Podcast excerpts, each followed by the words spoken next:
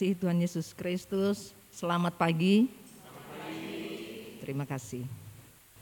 Puji syukur kita panjatkan kehadirat Tuhan yang Maha Kuasa, karena begitu besar kasihnya kepada kita semua, sehingga kita boleh berkumpul dan beribadah kembali di tempat ini secara hybrid. Dan juga live streaming melalui kanal YouTube GKI Sarwa Indah. Bagi Bapak Ibu Saudara-saudari yang baru pertama kali mengikuti ibadah hybrid dan juga live streaming melalui kanal YouTube GKI Sarwa Indah, kami mengucapkan selamat datang dan selamat bergabung dalam persekutuan di GKI Sarwa Indah. Pokok-pokok warta untuk hari ini adalah sebagai berikut. Satu, kebaktian umum hybrid Minggu Kristus Raja pada pagi hari ini dilayani oleh Pendeta Agus Wijaya dari GKI Serpong. Kedua, kebaktian remaja onsite diadakan pada hari ini Minggu 20 November 2022 waktu pukul 8.00 WIB. Tema Mari Menanam Pohon.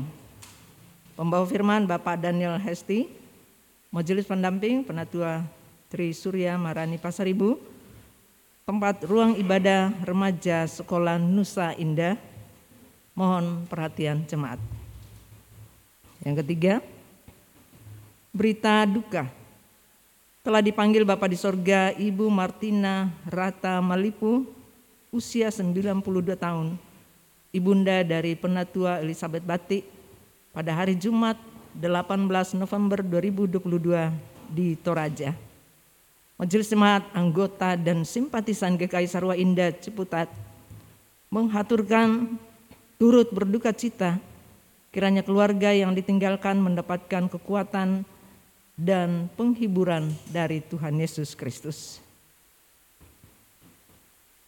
Keempat, rapat PMJ akan diadakan pada hari ini, Minggu 20 November. Mohon perhatian jemaat. Yang kelima, jadwal piket pendeta Kristian Dewantara adalah sebagai berikut. Hari Senin, hari Selasa dan Jumat. Waktu pukul 9.00 sampai 12.00 dan di luar jam tersebut sesuai perjanjian. Mohon perhatian jemaat.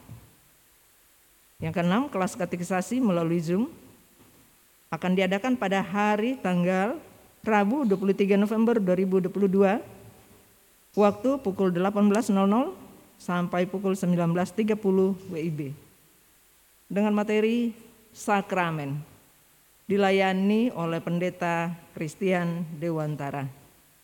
Dengan majelis pendamping Penatua Tri Surya Marani Pasaribu tempat Zoom virtual meeting. Mohon perhatian dan dari para kelas katekisasi yang ketujuh, Komisi Persekutuan dan Peribadatan PA online akan dilaksanakan pada hari Kamis 24 November 2022 waktu pukul 19.30 dengan tema antara besok, lusa dan sekarang. Pembawa firman Bapak Sahala Lumban Raja, Majelis Pendamping Penatua Elizabeth Bati, MC Bapak Nasib MC Pahutar, tempat Zoom virtual meeting. Mohon partisipasi dan perhatian jemaat. Yang kedelapan, persekutuan doa pagi akan diadakan pada hari Sabtu 26 November 2022 waktu pukul 6.00 WIB. Pembawa firman Ibu Kristina Eni M. Dengan majelis pendamping Penatua Putu Ayu Wulandari. Piket Penatua Jojor Sri Rejeki Tobing dan Penatua Trisurya Marani Pasaribu. Tempat Zoom virtual meeting. Mohon perhatian jemaat. Yang kesembilan, Komisi Pemuda. It's One Fun Time akan diadakan pada hari Sabtu 26 November 2022 waktu pukul 18.00 WIB. Pembawa firman Penatua Wahyu Kristianti. Majelis pendamping Penatua Trisurya Maharani Pasaribu, tempat Zoom virtual meeting. Mohon perhatian jemaat. 10. Persekutuan Komisi Dewasa akan diadakan pada hari Sabtu 26 November 2022 waktu pukul 19.00 WIB dengan tema menyajikan kebaikan. Pembawa firman Pendeta Christian Dewantara dengan majelis pendamping Penatua Jojor Sri Rejeki Tobing dengan MC Ibu Endang Triyani. Tempat Zoom virtual meeting. Mohon perhatian jemaat. Komisi Diakonia donor darah peduli sesama. Komisi Diakonia menggelar acara donor darah bekerja sama dengan PMI Tangerang Selatan pada hari Minggu 27 November 2022 pukul 9.30 WIB sampai selesai. Tempat sekretariat. Dengan kontak person Saudari Tania WA 0,0 0897 74 18 442 Penatua Elizabeth Bati dengan nomor WA 0852 16 88 2156 mohon perhatian dan partisipasi jemaat sekalian. Demikianlah pokok-pokok warta untuk hari ini. Lebih lengkapnya jemaat dapat membaca di warta jemaat dalam bentuk PDF. Segenap majelis jemaat mengucapkan selamat hari Minggu, selamat beribadah. Tuhan memberkati kita semuanya.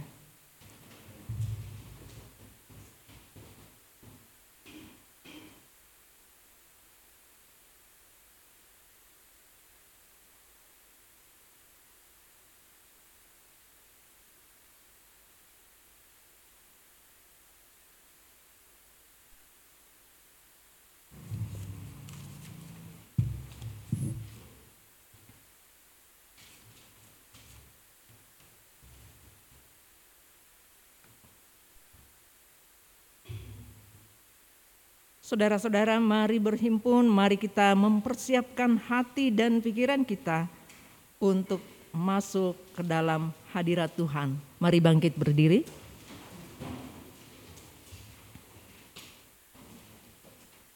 Kidung Jemaat 241 bait pertama sampai ketiga sungguh kerajaan Allah.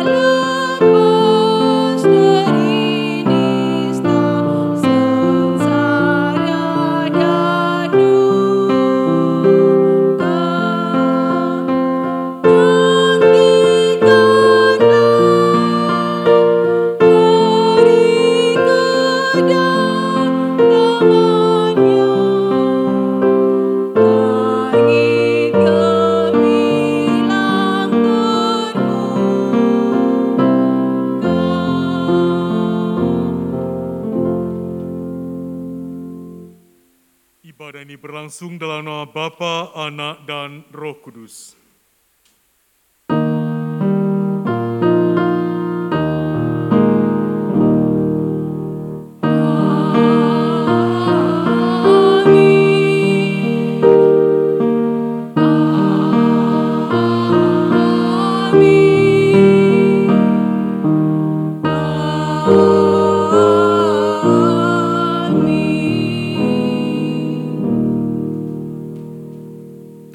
beserta saudara. Dan beserta saudara juga. Silakan duduk.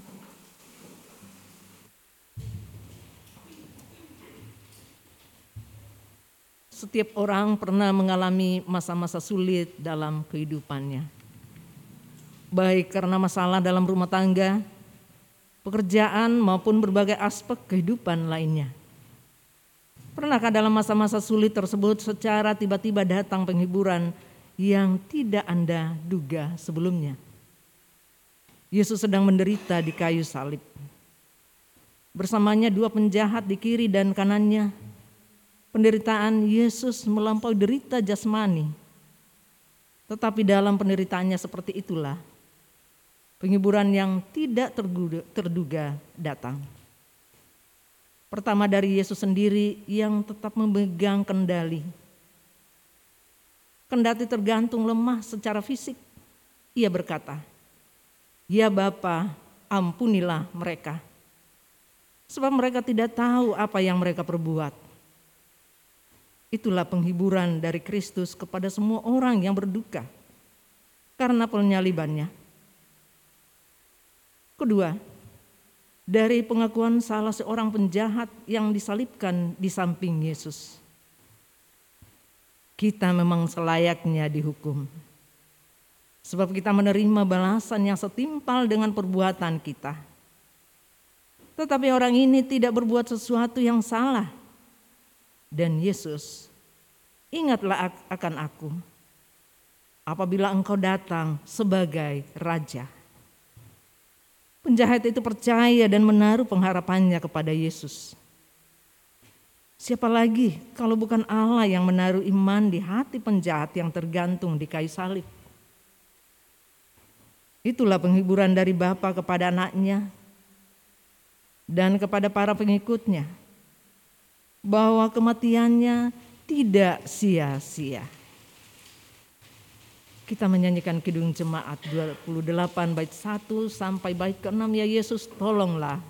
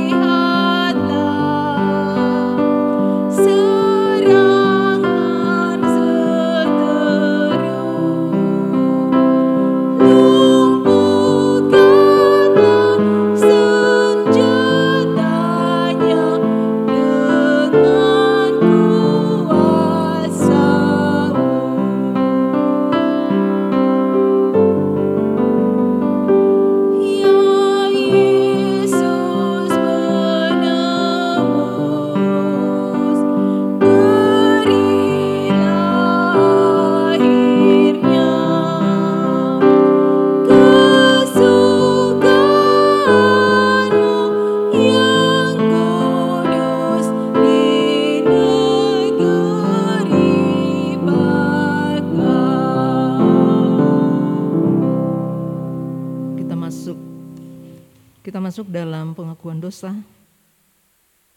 Saat kita merasa tidak ada lagi pertolongan, putus asa karena doa-doa kita seolah memantul kembali dari langit-langit.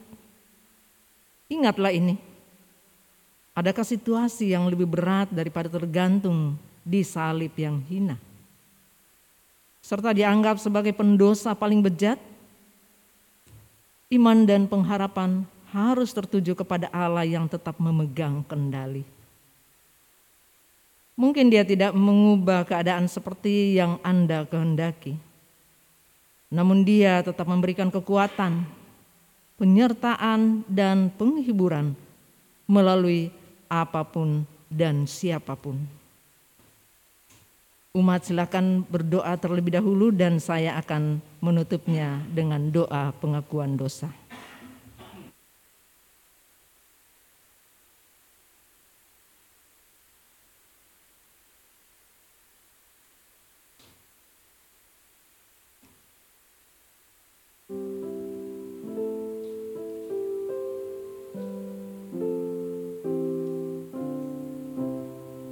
Bapa kami di surga, kami bersyukur dan berterima kasih karena Engkau datang menyapa kami. Ketika kami dalam keputusasaan, oleh karena berbagai masalah menimpa diri kami. Bapak terima kasih firmanmu datang pada pagi hari ini menyapa kami. Menaruh pengharapan di dalam Yesus yang telah tergantung di kayu salib menebus dosa-dosa kami. Hidup kami masih sering gagal mengasihimu ya Bapa di sorga. Kami gagal mengasihi sesama kami.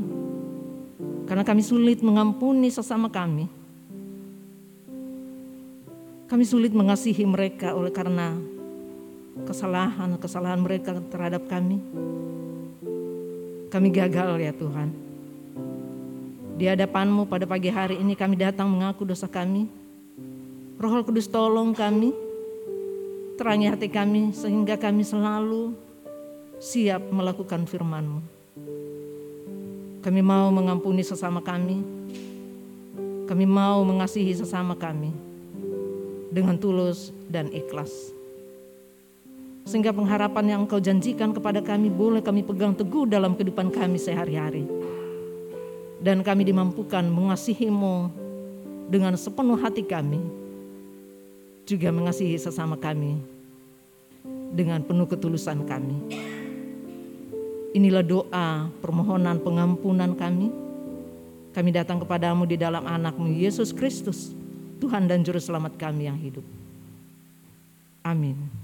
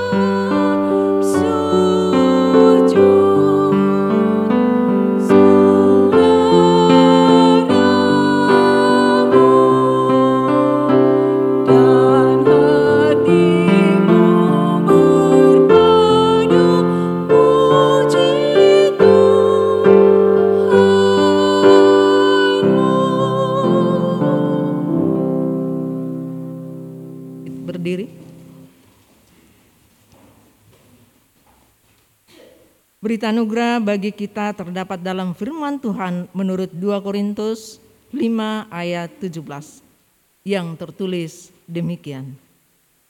Jadi siapa yang ada di dalam Kristus, ia adalah ciptaan baru. Yang lama sudah berlalu, sesungguhnya yang baru sudah datang. Demikian berita anugerah dan petunjuk hidup baru dari Tuhan. Syukur kepada Allah.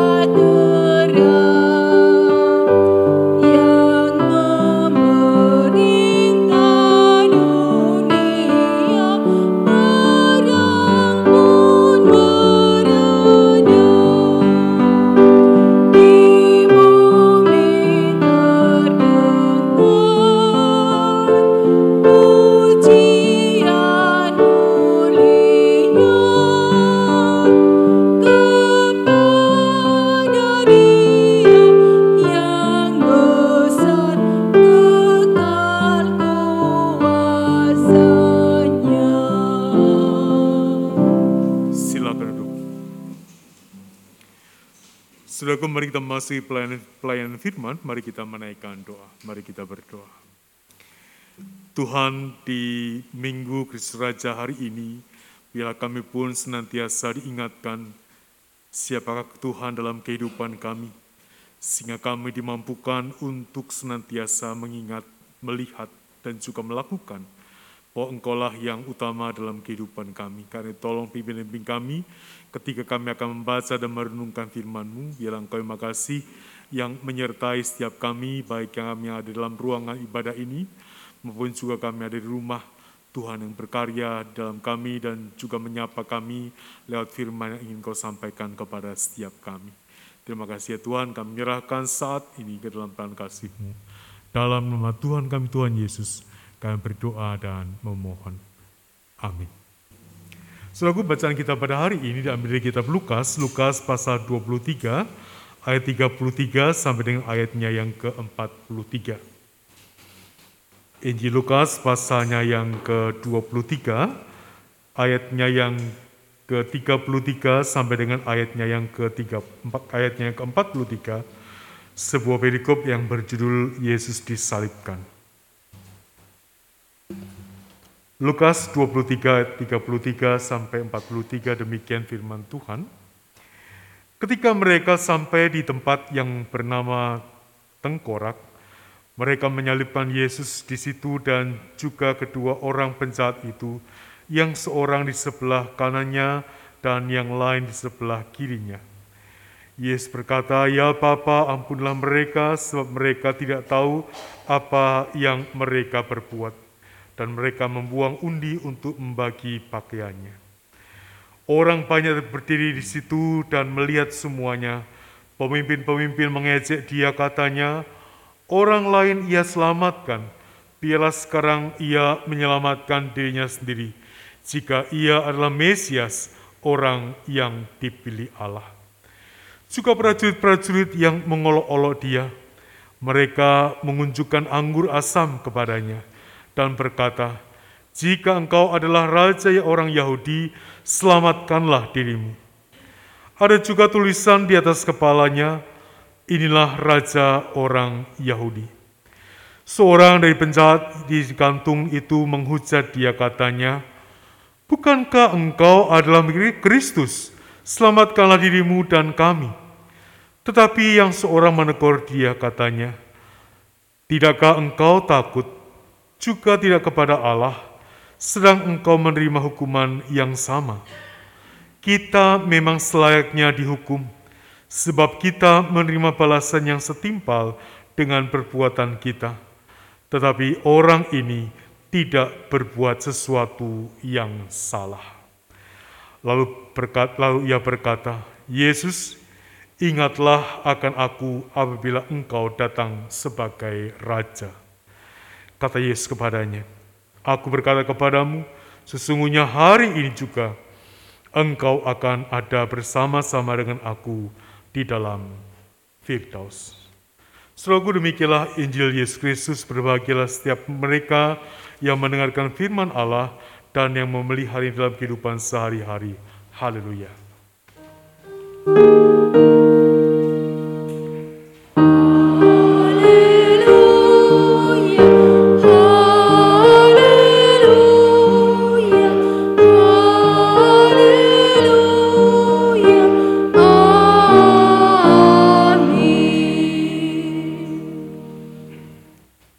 Bapak Ibu dan Saudara yang kasih dalam Tuhan, apakah ada di antara kita yang merasa aneh dengan bacaan kita pada hari ini?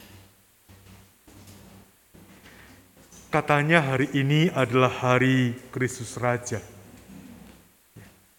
Minggu terakhir dari rangkaian tahun liturgi kita, sebelum kita memasuki tahun liturgi yang baru minggu depan yang diawali oleh Minggu Advent.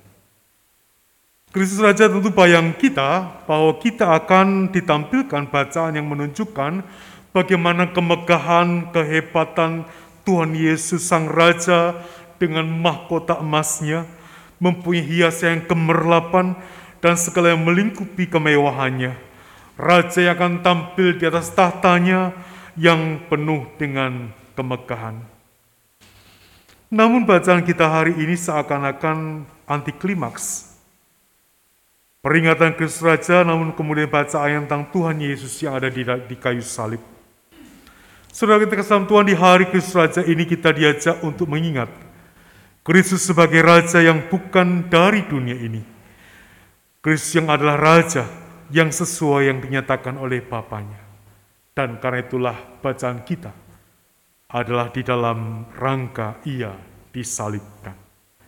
Seluruh peristiwa di Bukit Tengkorak ketika Tuhan Yesus disalibkan di antara dua penjahat, dipenuhi dengan ejekan dan olok-olokan kalau kita melihat di awal bacaan kita. Olokan dan ejekan dari pemimpin agama Yahudi. Mereka yang mengolok-olok Tuhan Yesus, kalau engkau Mesias, selamatkanlah dirimu. Dari para prajurit yang mengatakan bahwa kalau engkau Raja orang Yahudi, selamatkanlah dirimu. Dan juga bahkan dari seorang penjahat di sisinya yang kemudian mengatakan kalau engkau adalah merupakan Kristus selamatkanlah dirimu dan selamatkanlah kami juga. Saudaraku seakan-akan mereka meminta supaya Tuhan Yesus membuktikan bahwa benar dialah yang disebut sebagai Mesias, Kristus yang diurapi, Raja yang berkuasa. Mereka seakan-akan mengatakan mana buktinya dari apa yang sudah engkau nyatakan dan karyakan di tengah-tengah dunia. Di hari-hari yang lalu, di mana engkau memberikan keselamatan kepada banyak orang, di mana engkau mengajar banyak orang, di mana engkau menyatakan akan kuasa Tuhan. Sekarang nyatakanlah kuasa Tuhan dalam dirimu sendiri.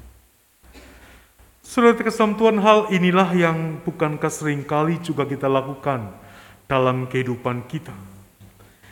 Kita minta bukti kemahakuasaan Tuhan melalui dan dalam kehidupan kita.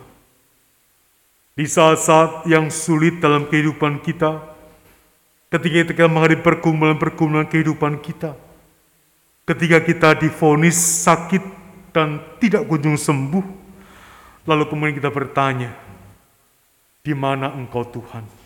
Atau lebih tepatnya, di mana kuasamu Tuhan? Dan bahkan bukan hanya bertanya, tapi kemudian kita cuma kemudian marah kepada Tuhan. Mengananyakan akan kuasa Tuhan dalam kehidupan ini. Dan kemudian bertanya, bertanya dalam kehidupan kita, mengapa aku mesti mengalami semuanya ini?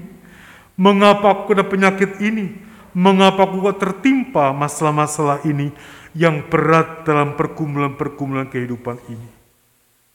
Saudara kita Tuhan Yesus adalah Raja, namun dia bukan Raja seperti yang kita bayangkan. Raja yang hanya memuaskan keinginan kita tentang bayangan dan gambaran tentang seorang raja. Dia merupakan Kristus yang diurapi untuk mewartakan kebenaran, untuk menjadi juru selamat bagi dunia, untuk mewartakan kasih Tuhan dalam kehidupan ini. Dia bukan raja politis yang memberontak kepada pemerintah Romawi. Dia adalah merupakan raja yang menghapus dosa-dosa dunia. Tuhan Yesus menjadi raja dengan membawa kebenaran. Dunia yang gelap karena dosa dinyatakan telah melihat terang dari Allah oleh karena karya kasih Allah di dalam Kristus Yesus. Karya Kristus yang dinyatakan dalam kelahirannya, pengajarannya, mujizatnya, penyalipannya, kematiannya, kebangkitannya, kenaikannya ke surga adalah kebenaran yang memberikan keselamatan kepada dunia dan seisinya. Karya kasihnya lah yang menunjukkan kepada kita semua, dia adalah Raja, Raja yang menyatakan kasih Allah kepada dunia ini, kepada kita semua. Oleh karena itu hari ini ketika kita memperingati Hari Kristus Raja, pertanyaannya apa yang mesti kita lakukan dalam rangka meng menghayatinya dalam kehidupan kita. Saudaraku sama seperti hari-hari terakhir di akhir tahun, maka kita sering kali mengatakan evaluasi, mengadakan evaluasi apa yang sudah aku lakukan sepanjang sepanjang tahun ini. Demikian juga hari ini kita diajak untuk mengevaluasi. Apakah di dalam kehidupan kita sepanjang tahun liturgi ini, sebelum kita memasuki tahun liturgi yang baru minggu depan, kita sudah menjadikan Kristus sebagai yang utama dalam hidup ini. Sudahkah kita menghayati akan Kristus dalam kehidupan kita? Oleh karena itu yang pertama kita mau semua diingatkan. Mari kita menjadikan Kristus Tuhan yang meraja dalam kehidupan kita. Kita kesam Tuhan dalam setiap tindakan, langkah hidup dan pergumulan-pergumulan kita, pertanyaannya, sudahkah selama setahun ini kita mengandalkan Tuhan dalam hidup kita? Sudahkah dalam setiap apa yang kita alami dan kita rasakan, Sudahkah dalam setiap pergumulan-pergumulan kehidupan kita, sakit penyakit yang kita alami, kita betul-betul menjadikan dia yang utama dalam setiap langkah-langkah kehidupan kita, baik di saat-saat yang baik-baik saja, maupun di saat-saat yang sedang tidak baik dalam kehidupan kita. Adakah dialah yang kemudian meraja dalam kehidupan kita, ataukah keinginan kita, hasrat kita, nafsu kita, keinginan-keinginan kita itulah yang kemudian menguasai kehidupan kita. Kekhawatiran-kekhawatiran kita, kemarahan-kemarahan kita, apakah itu yang kemudian menguasai kehidupan kita ketika kita berjalan dalam kehidupan kita. Entah dalam hal yang baik-baik saja maupun dalam keadaan yang tidak baik-baik saja. Saudaraku, mari kita mengevaluasi kehidupan kita di hari-hari yang lalu dan bagaimana nanti kita ke depan. Sudahkah dia memang meraja? Dia merupakan raja dalam kehidupan kita. Sudah kemarin kita semua diajak sebagai umat yang percaya kepada Tuhan. Hidup kita di tangan Tuhan Sang Raja. Dan pastilah ia akan memberikan damai sejahtera dalam kehidupan kita. Jalanilah kehidupan kita sebagai orang-orang yang senantiasa tahu bahwa dialah Raja dalam kehidupan kita. Jalanlah hidup kita sesuai dengan caranya, cara Tuhan, dan bukan cara kita sendiri. Tuhan pasti punya cara untuk kebaikan-kebaikan kita dalam hidup ini. Penjahat yang di satu sisi Tuhan Yesus, selain yang menghujat Tuhan Yesus, yang mengolok-olok Tuhan Yesus, mengatakan Yesus ingatlah aku ketika engkau datang sebagai Raja. Tapi kata Tuhan Yesus, hari ini juga engkau bersama-sama dengan aku di dalam Firdaus. Saudara jadikanlah dia bertahta dalam hati, dalam kehidupan kita. Yang nyata dalam setiap perkataan dan perbuatan tindakan kehidupan kita. Hal yang kedua yang diingatkan kepada kita, Mari kita senantiasa meneladan kepada Kristus dalam hidup ini. Kalau kita sudah merasakan kebaikan Tuhan, mari kita menjadi orang-orang yang mewartakan kasih Tuhan melalui kehidupan kita setiap hari. Dengan karya kasihnya, Kristus mewartakan kebenaran. Ada belas kasihan Allah yang menyelamatkan dunia ini.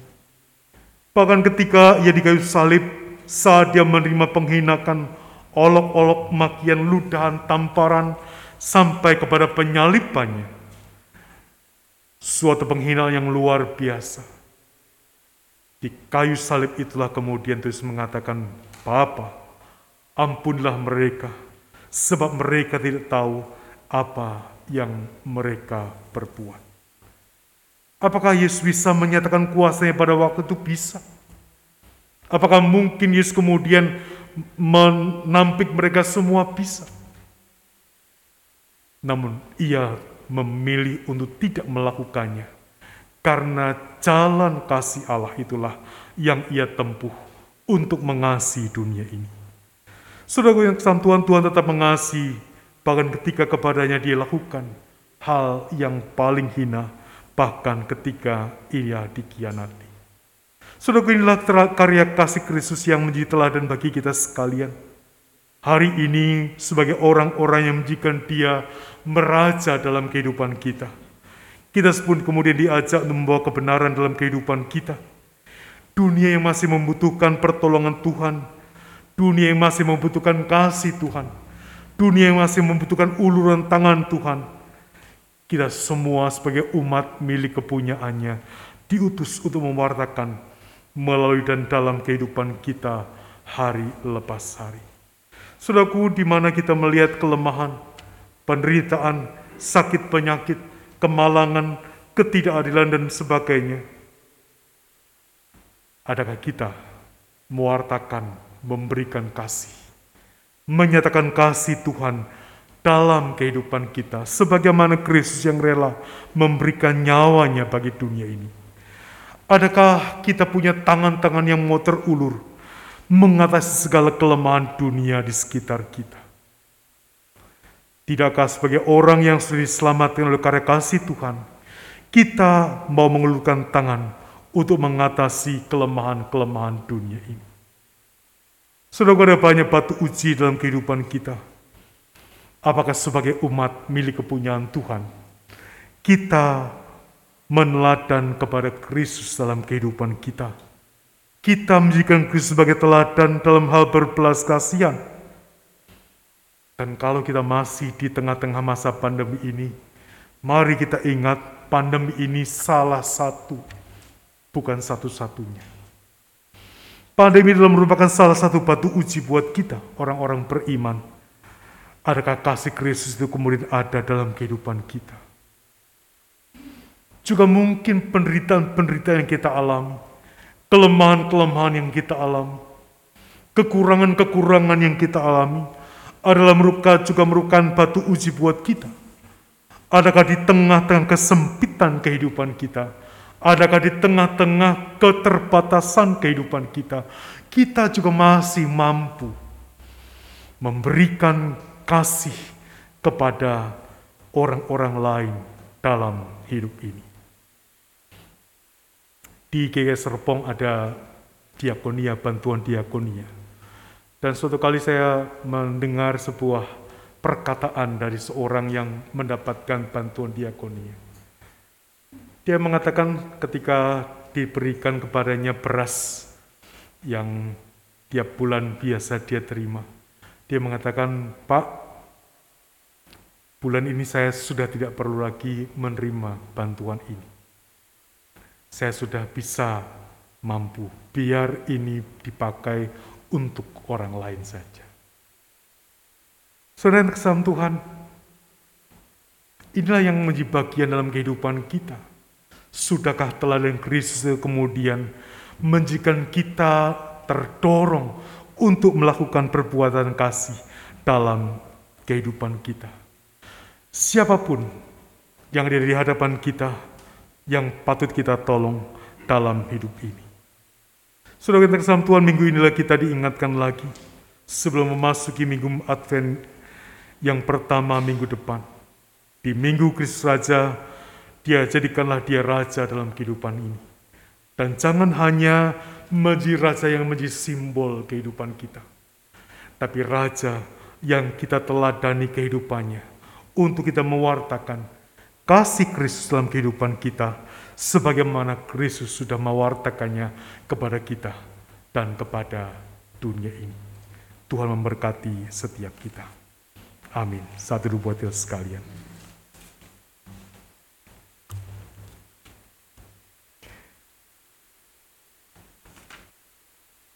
Man pujian bagaikan bejana.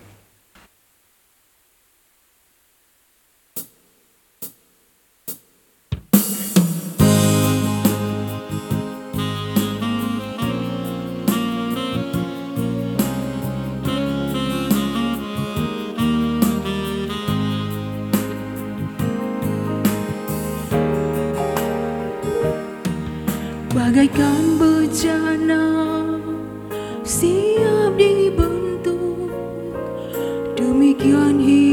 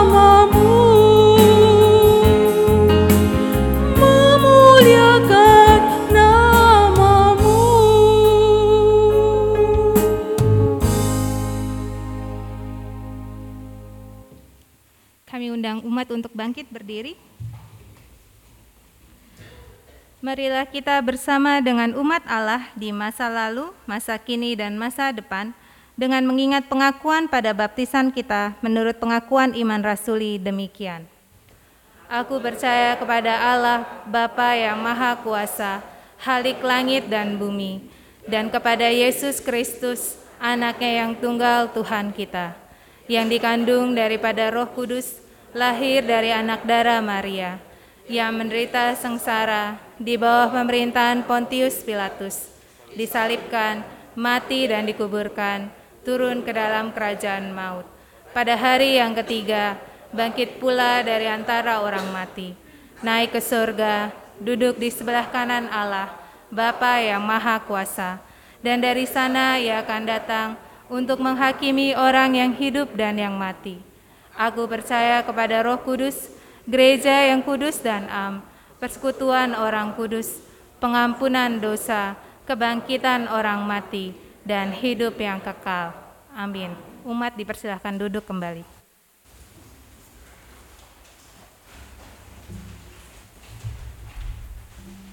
Jemaat, mari kita berdoa. Tuhan Allah, Bapa di dalam kerajaan surga. Terima kasih Tuhan karena pada pagi hari yang indah ini Tuhan mengizinkan kami boleh berkumpul untuk memuji-muji dan mendengarkan firman-Mu Tuhan. Tuhan, ajar-ajari kami dan berkati kami agar kami boleh selalu menjadi pelaku-pelaku firman Tuhan di dalam seluruh kehidupan kami. Demikian juga Tuhan, kami mau berdoa untuk pelayanan pendeta Agus Wijaya beserta keluarga. Di mana pun engkau menugaskan beliau, berkati Tuhan sehingga pelayanan yang diberikan adalah pelayanan yang selalu memuliakan namamu dan menjadi berkat bagi banyak orang. Tuhan Allah Bapa di dalam kerajaan surga, di doa syafaat ini pun Tuhan kami mengucapkan syukur untuk gedung sekretariat yang sudah engkau berikan kepada kami ini, yang sudah engkau izinkan untuk direnovasi, dan boleh kami gunakan sebagai ruang ibadah kami Tuhan, dan seluruh aktivitas kegiatan pelayanan kami Tuhan. Berkati kami semua Tuhan agar gedung ini boleh menjadi gedung yang selalu memberikan pelayanan, yang selalu memberikan kami kesempatan untuk boleh melayanimu. Terima kasih juga Tuhan untuk dusun, untuk uh, dusun tiga, tem, uh, areal tanah yang sudah Engkau berikan kepada kami. Kami mempunyai keinginan juga untuk membangun sebuah gedung gereja di sana Tuhan. Berkati Tuhan dan ajar-ajari kami agar ke depannya apa yang kami inginkan ini boleh terlaksana Tuhan. Tuhan Allah Bapa di dalam kerajaan surga kami juga mau mengucapkan terima kasih untuk perizinan yang sudah Tuhan berikan kepada rencana GKI Nusa Loka Tuhan. Tuhan, Engkau mau memberkati dan juga mengajar-ajari seluruh panitia baik dari GKI Sarwa Indah dan juga dari GKI Serpong Tuhan yang selama ini berusaha untuk mendapatkan perizinan ini. Engkau berkati juga eh, pemerintah daerah Tuhan, berikanlah hikmat kebijaksanaanmu kepada mereka Tuhan, agar perizinan dan juga kesempatan kami membangun gedung gereja di Nusa Loka boleh berjalan dengan baik.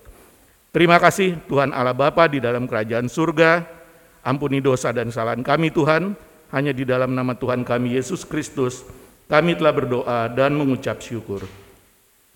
Tuhan yang makasih, kami bersyukur kalau kami kembali ingatkan, menjadikan Engkau yang meraja dalam kehidupan kami, menjadikan Engkau yang utama dalam kehidupan kami, dan bukan keinginan, hasrat, kekhawatiran, kemarahan kami yang utama dalam kehidupan kami. Dan bila engkau sendirilah yang menjadi pandu dalam kehidupan kami, ia akan senantiasa meraja dalam hati dan kehidupan kami. Pimpin kami juga senantiasa meneladan engkau dalam membawakan kasih Tuhan dalam kehidupan kami. Supaya melewati kami pun, kami yang sudah diselamatkan oleh karya kasih Kristus, Sang Raja itu, kami juga boleh mewartakannya dalam kehidupan kami hari lepas hari.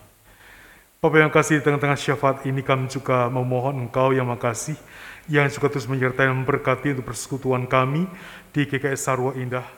Tangan kasih Tuhan yang sudah mempersatukan kami, tangan kasih Tuhan yang sudah menjadikan kami sebagai sebuah jemaat yang dewasa.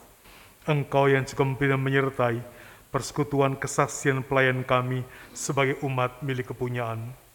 Engkau yang juga menyertai memberkati untuk majelis jemaat, Pendeta Christian Dewantara dan juga penatua sebagai pimpinan di jemaat ini biar tangan kasih Tuhan yang senantiasa menyertai dan memberkati akan majelis jemaat dalam setiap langkah-langkah memimpin akan jemaat Tuhan di GKS Sarwa Indah ini.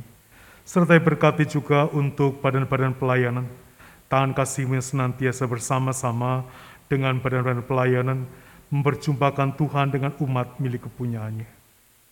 Bapak yang kasih bersama-sama kami juga berdoa untuk saudara-saudara kami yang berulang tahun di minggu ini. Kami bersyukur bersama dengan Ibu Nirwana Hia, kami bersyukur bersama saudari Elizabeth Audi S. Gunawan, kami bersyukur bersama Bapak Pio Paulus Sembiring, kami bersyukur bersama saudari Gabriela Bati, kami bersyukur bersama Bapak Peter Chandra, kami bersyukur bersama saudari, saudari Dian M. Saudali, Tuhan, Engkau sudah menambahkan satu tahun usia setiap saudara kami. Engkau yang sudah senantiasa memberikan hikmat dalam langkah-langkah depan dalam kehidupan setiap saudara kami. Sehingga pertambahan usia boleh disikapi dengan kedewasaan yang makin hari makin berkenan di hadapan Tuhan. Kuatkan iman percaya mereka juga kepada Tuhan. Bersama-sama kami cukup berdoa untuk setiap saudara kami dalam keadaan sakit dan dalam masa pemulihan.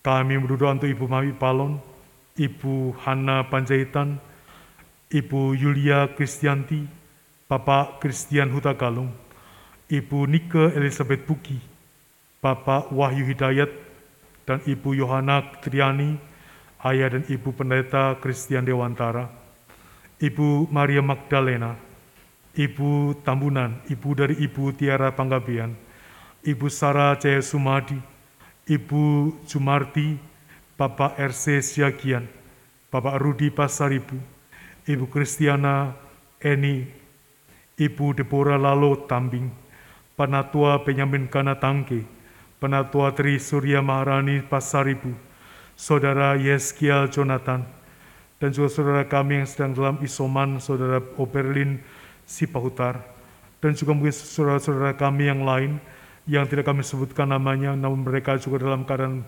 sakit, dalam pemulihan atau dalam isoman, tangan kasih Tuhan yang penuh kasih dan penuh kuasa yang menyembuhkan itulah yang kiranya boleh menjamah setiap saudara kami dan mereka diberikan kesembuhan oleh Tuhan sesuai dengan waktu Tuhan. Bapak kami juga bersama ingin terus memohon Engkau yang makasih yang juga menyertai dan memberkati untuk pemerintah kami. Kami bersyukur gelaran G20 sudah berakhir, sudah berakhir dengan baik.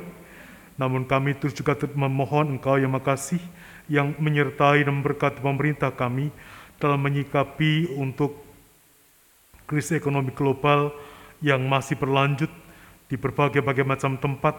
Kiranya Tuhan yang juga berkarya bersama-sama dengan kami, pemerintah kami. Engkau yang juga menyertai memberkati ketika kasus COVID kembali mulai menanjak. Tuhan juga menjagai akan kami semua dan juga menyertai pemimpin kami supaya mereka juga boleh mengambil tindakan yang tepat untuk menanggapi akan kenaikan kasus COVID di negara kami. Serta juga pemerintah kami di masa-masa menjelang tahun politik 2024, kiranya mereka juga boleh menjaga akan bangsa ini supaya tetap utuh dan tetap saling menghargai dalam perbedaan-perbedaan pilihan yang diambil, tangan Tuhan juga bekerja dalam setiap mereka. Terima kasih ya Tuhan, kami juga menyerahkan kehidupan kami, pribadi demi pribadi, keluarga demi keluarga selama sepekan ke depan.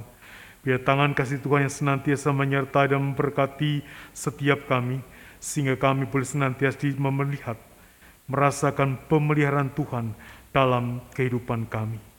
Terima kasih ya Tuhan, kami menyerahkan akan seluruh doa permohonan kami ini hanya dalam nama Tuhan kami Tuhan Yesus yang mengajar kami berdoa. Bapa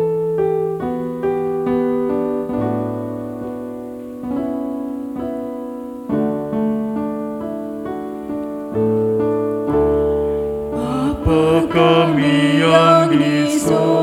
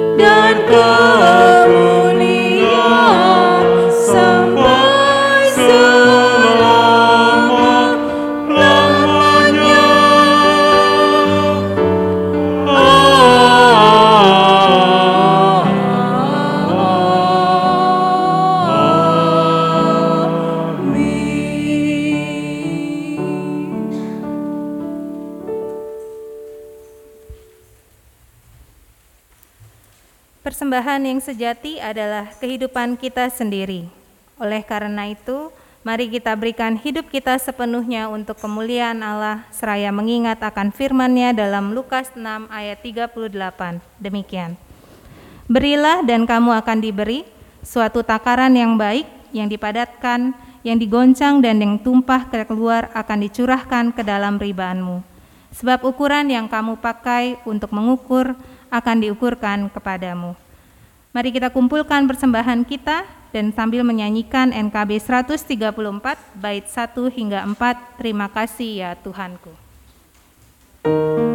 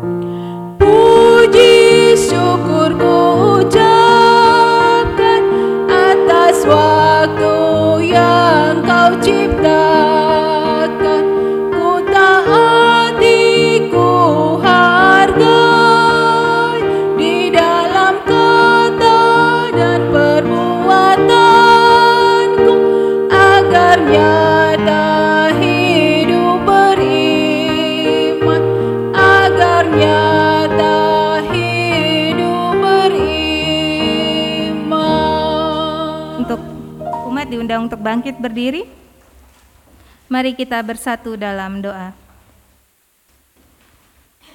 Puji dan syukur kami kepadamu ya Tuhan untuk setiap pemberianmu dalam hidup dan kehidupan kami. Puji syukur kami kalau di hari Minggu kami kembali dapat menyatakan syukur kami melalui persembahan yang telah kami kumpulkan. Terimalah ya Tuhan persembahan kami ini agar berkenan di hadapanmu dan Tuhan juga yang boleh berkati setiap tangan yang akan mengelolanya agar dapat senantiasa penuh bertanggung jawab di dalam penggunaannya dan biarlah persembahan kami ini dapat menjadi penguatan pelayanan gerejamu dan senantiasa memuliakan namamu saja. Tuhan juga yang memampukan kami agar meneladan Engkau ya Kristus, mempersembahkan seluruh tubuh kami dan diri kami untuk dapat menjadi persembahan yang hidup dan yang berkenan kepadamu saja. Inilah ucapan syukur dan doa kami ya Bapa. Kami berdoa di dalam nama Tuhan Yesus Kristus. Amin.